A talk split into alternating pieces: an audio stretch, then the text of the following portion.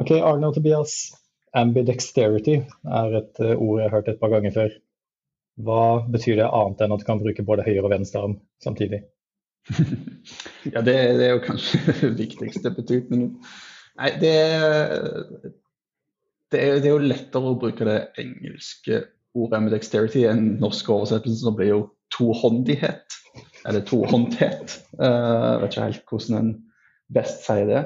Men det det handler om, er jo i bunn og grunn uh, bedrifters evne til å gjøre to ting samtidig. Og de to tingene uh, er det en på engelsk kaller exploration og exploitation. Altså å både eh, utnytte det du allerede har, optimalisere eksisterende forretning, og samtidig utforske nye muligheter. Finne ny, ny business. Mm. Uh, det er iallfall det vi mener med dexterity i forretnings- og strategikontekst. Uh, så er det jo faktisk òg en, en egenskap som enn iallfall for de som sitter på Game of Thrones eksempelvis, ser er nyttig i sverdkamp osv. Men vi kan jo prøve å holde oss til, til forretningsverden her. Ok, Så gitt at én hånd er exploitation og en annen hånd er exploration, hvilken er venstrehåndsarbeidet? på en måte? Det er jo nettopp det som er, tanken med ambidexterity. At ingenting er venstrehåndsarbeid, fordi en er like kyndig med begge hendene og evne å bruke begge samtidig. Men så kommer en jo da inn på okay, hva er samtidig. Mm -hmm. og, og, det er der jeg tror vi kanskje har en del glede av å se til litteraturen. fordi det, det, er ikke alltid at vi, vi, tenker over at det er flere måter å gjøre det på. for når en sier med dexterity og liksom, ja, vi skal gjøre to ting samtidig, så tenker en gjerne fort på det som kalles contextual ambidexterity. Altså at samme person skal eh, noen ganger tenke på hvordan forbedre det eksisterende, og andre ganger så skal du drive med innovasjon og liksom være inne i en workshop og tenke på det.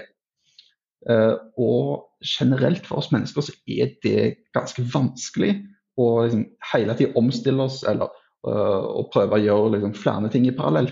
Som egentlig krever litt ulike, øh, ulike egenskaper. Det å liksom ta Eh, og optimalisere dagens prosess og finne liksom, eh, siste, siste lille ting du kan forbedre og, og maksimere. Og litt sånn lean-tankegang. Eh, kontra det å være veldig visjonær og se liksom, store, nye, spennende mulighetene. Og så Betyr det at et selskap som er ambidexterious må ha 50% explorers og 50% exploiters? Nei, det, det vil jo ikke nødvendigvis si. Men det vil jo si at selskapet totalt sett evner å gjøre begge deler samtidig. Eh, hvor mye av hver du skal gjøre, det er jo opp til eh, hva som passer for det enkelte selskap. Eh, mm. Vil jeg tenke. Ja. ja. Og så er det interessant å bare høre litt om hvor det kommer fra, hvor teorien kommer fra. som du snakker om. Det er jo for meg en sånn god gammeldags gartnergreie fra vet ikke, 2010 hans. Ja, det, det, var liksom fra kanskje 2010 til 2015 at det ble eh, plukka veldig opp av konsulentmiljøet. Eh, og, og snakka veldig om som en helt ny greie. Eh, men jeg tror, eh, tror, det fint kan spås tilbake til slutten av 90-tallet. tror jeg eh, Artikkelen til O'Reilly og Tushma, eh, som er med bedre paperne på, på, dette kom ut. Så I akademia så er det et mye eldre begrep og som har vært forska en del på og skrevet mye om.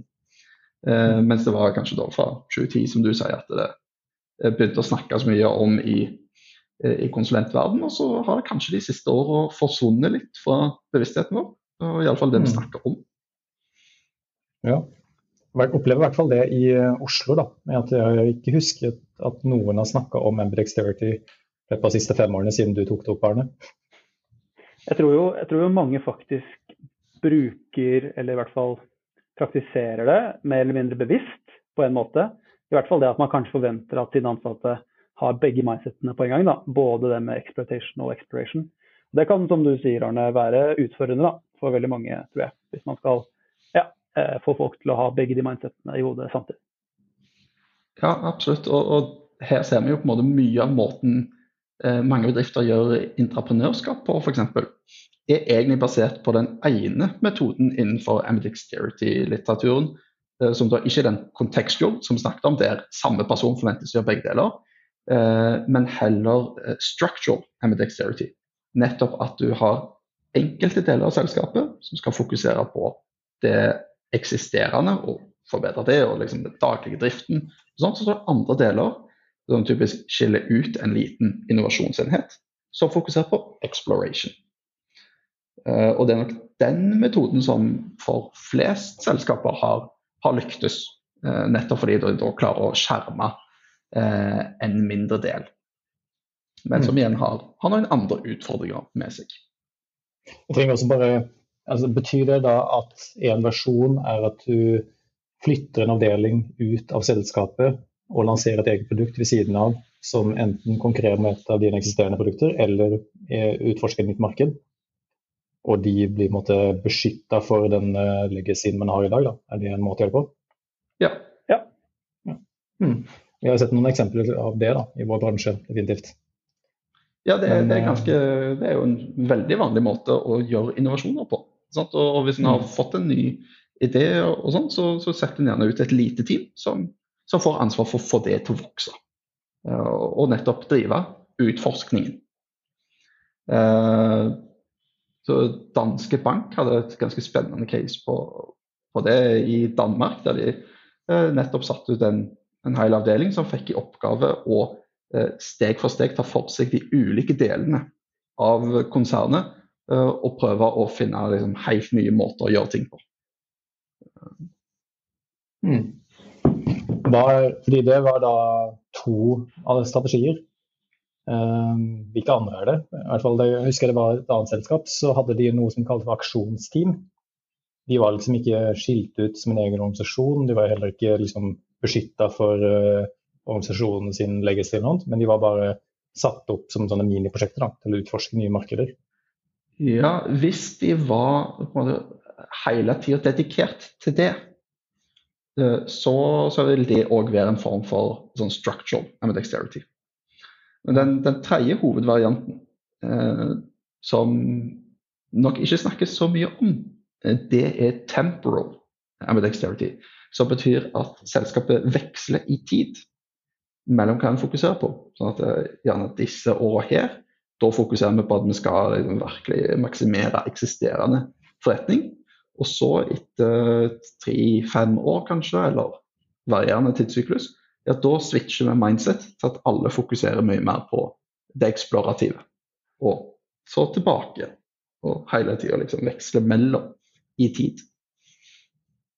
Det tror jeg egentlig er noe ganske mange gjør, igjen litt ubevisst kanskje.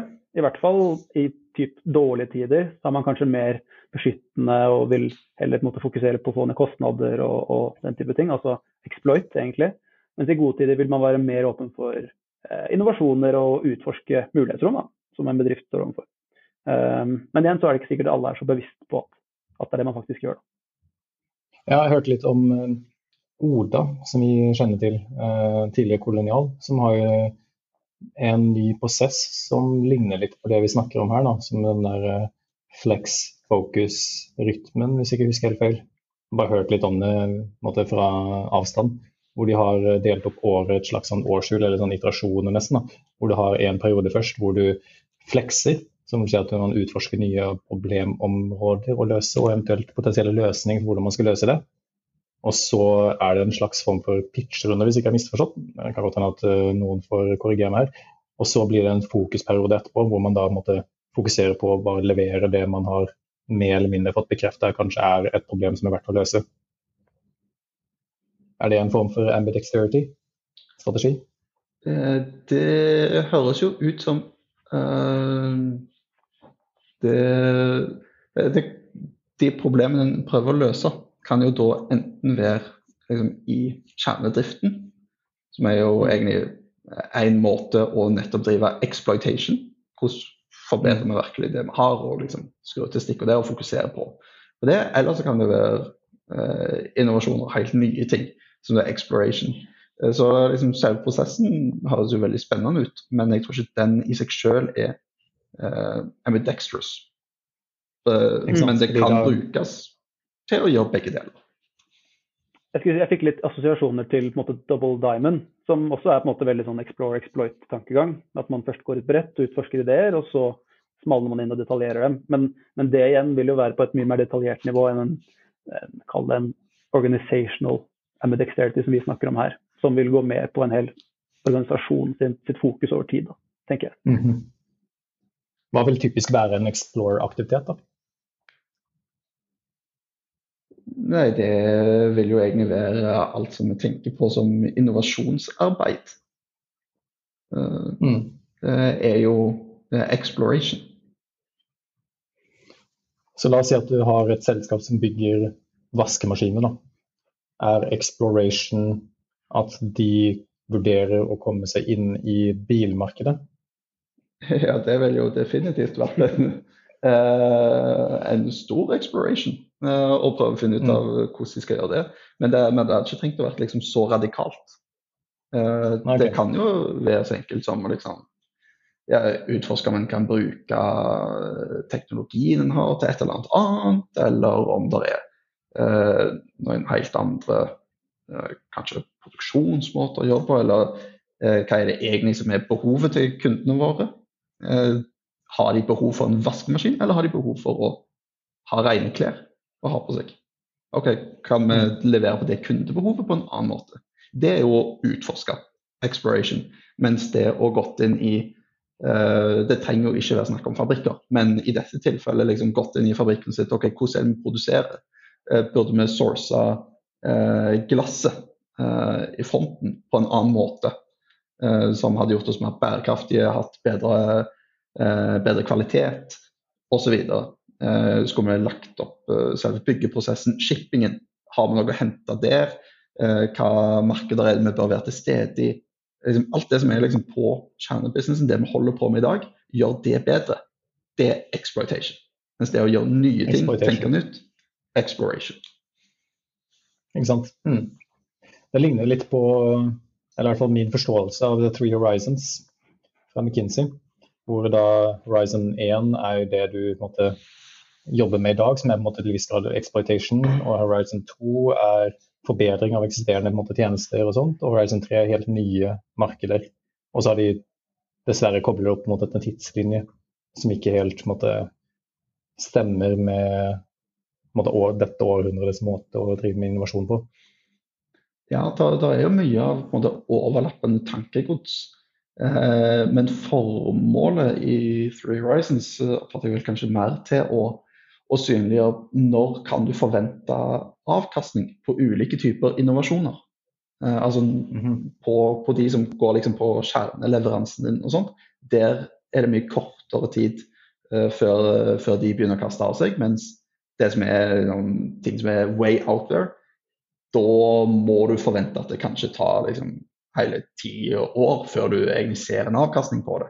Sånn så liksom ha nok is i magen, eh, alt etter hva type mm -hmm. innovasjon du driver med. Eh, er vel kanskje, Iallfall sånn jeg oppfatter mest poenget der. Mens eh, det, det, vi snakker om nå, er jo det å eh, tenke på viktigheten av å evne å gjøre begge deler. Eh, at det Eh, det, du kan gjøre det eh, såkalt temporal, at du fokuserer på én ting nå, og så skifter du fokus. Eller at samme folk skal gjøre begge deler. Eller at du sier at noen folk i organisasjonen skal fokusere på dette, mens andre skal fokusere på det. Uansett hva du velger, så er det viktig å ha en tydelig strategi eh, bak dette og ha en plan for hvordan skal vi som selskap både være best på akkurat det vi holder på med nå, men òg se etter nye muligheter. Drypp er en lavterskelpodkast fra Beck, hvor vi diskuterer diverse temaer som interesserer oss. Og Hvis du har et tema som du har lyst til at vi skal snakke om, eller du vil være med på en innspilling, ta kontakt på drypp.beck.no.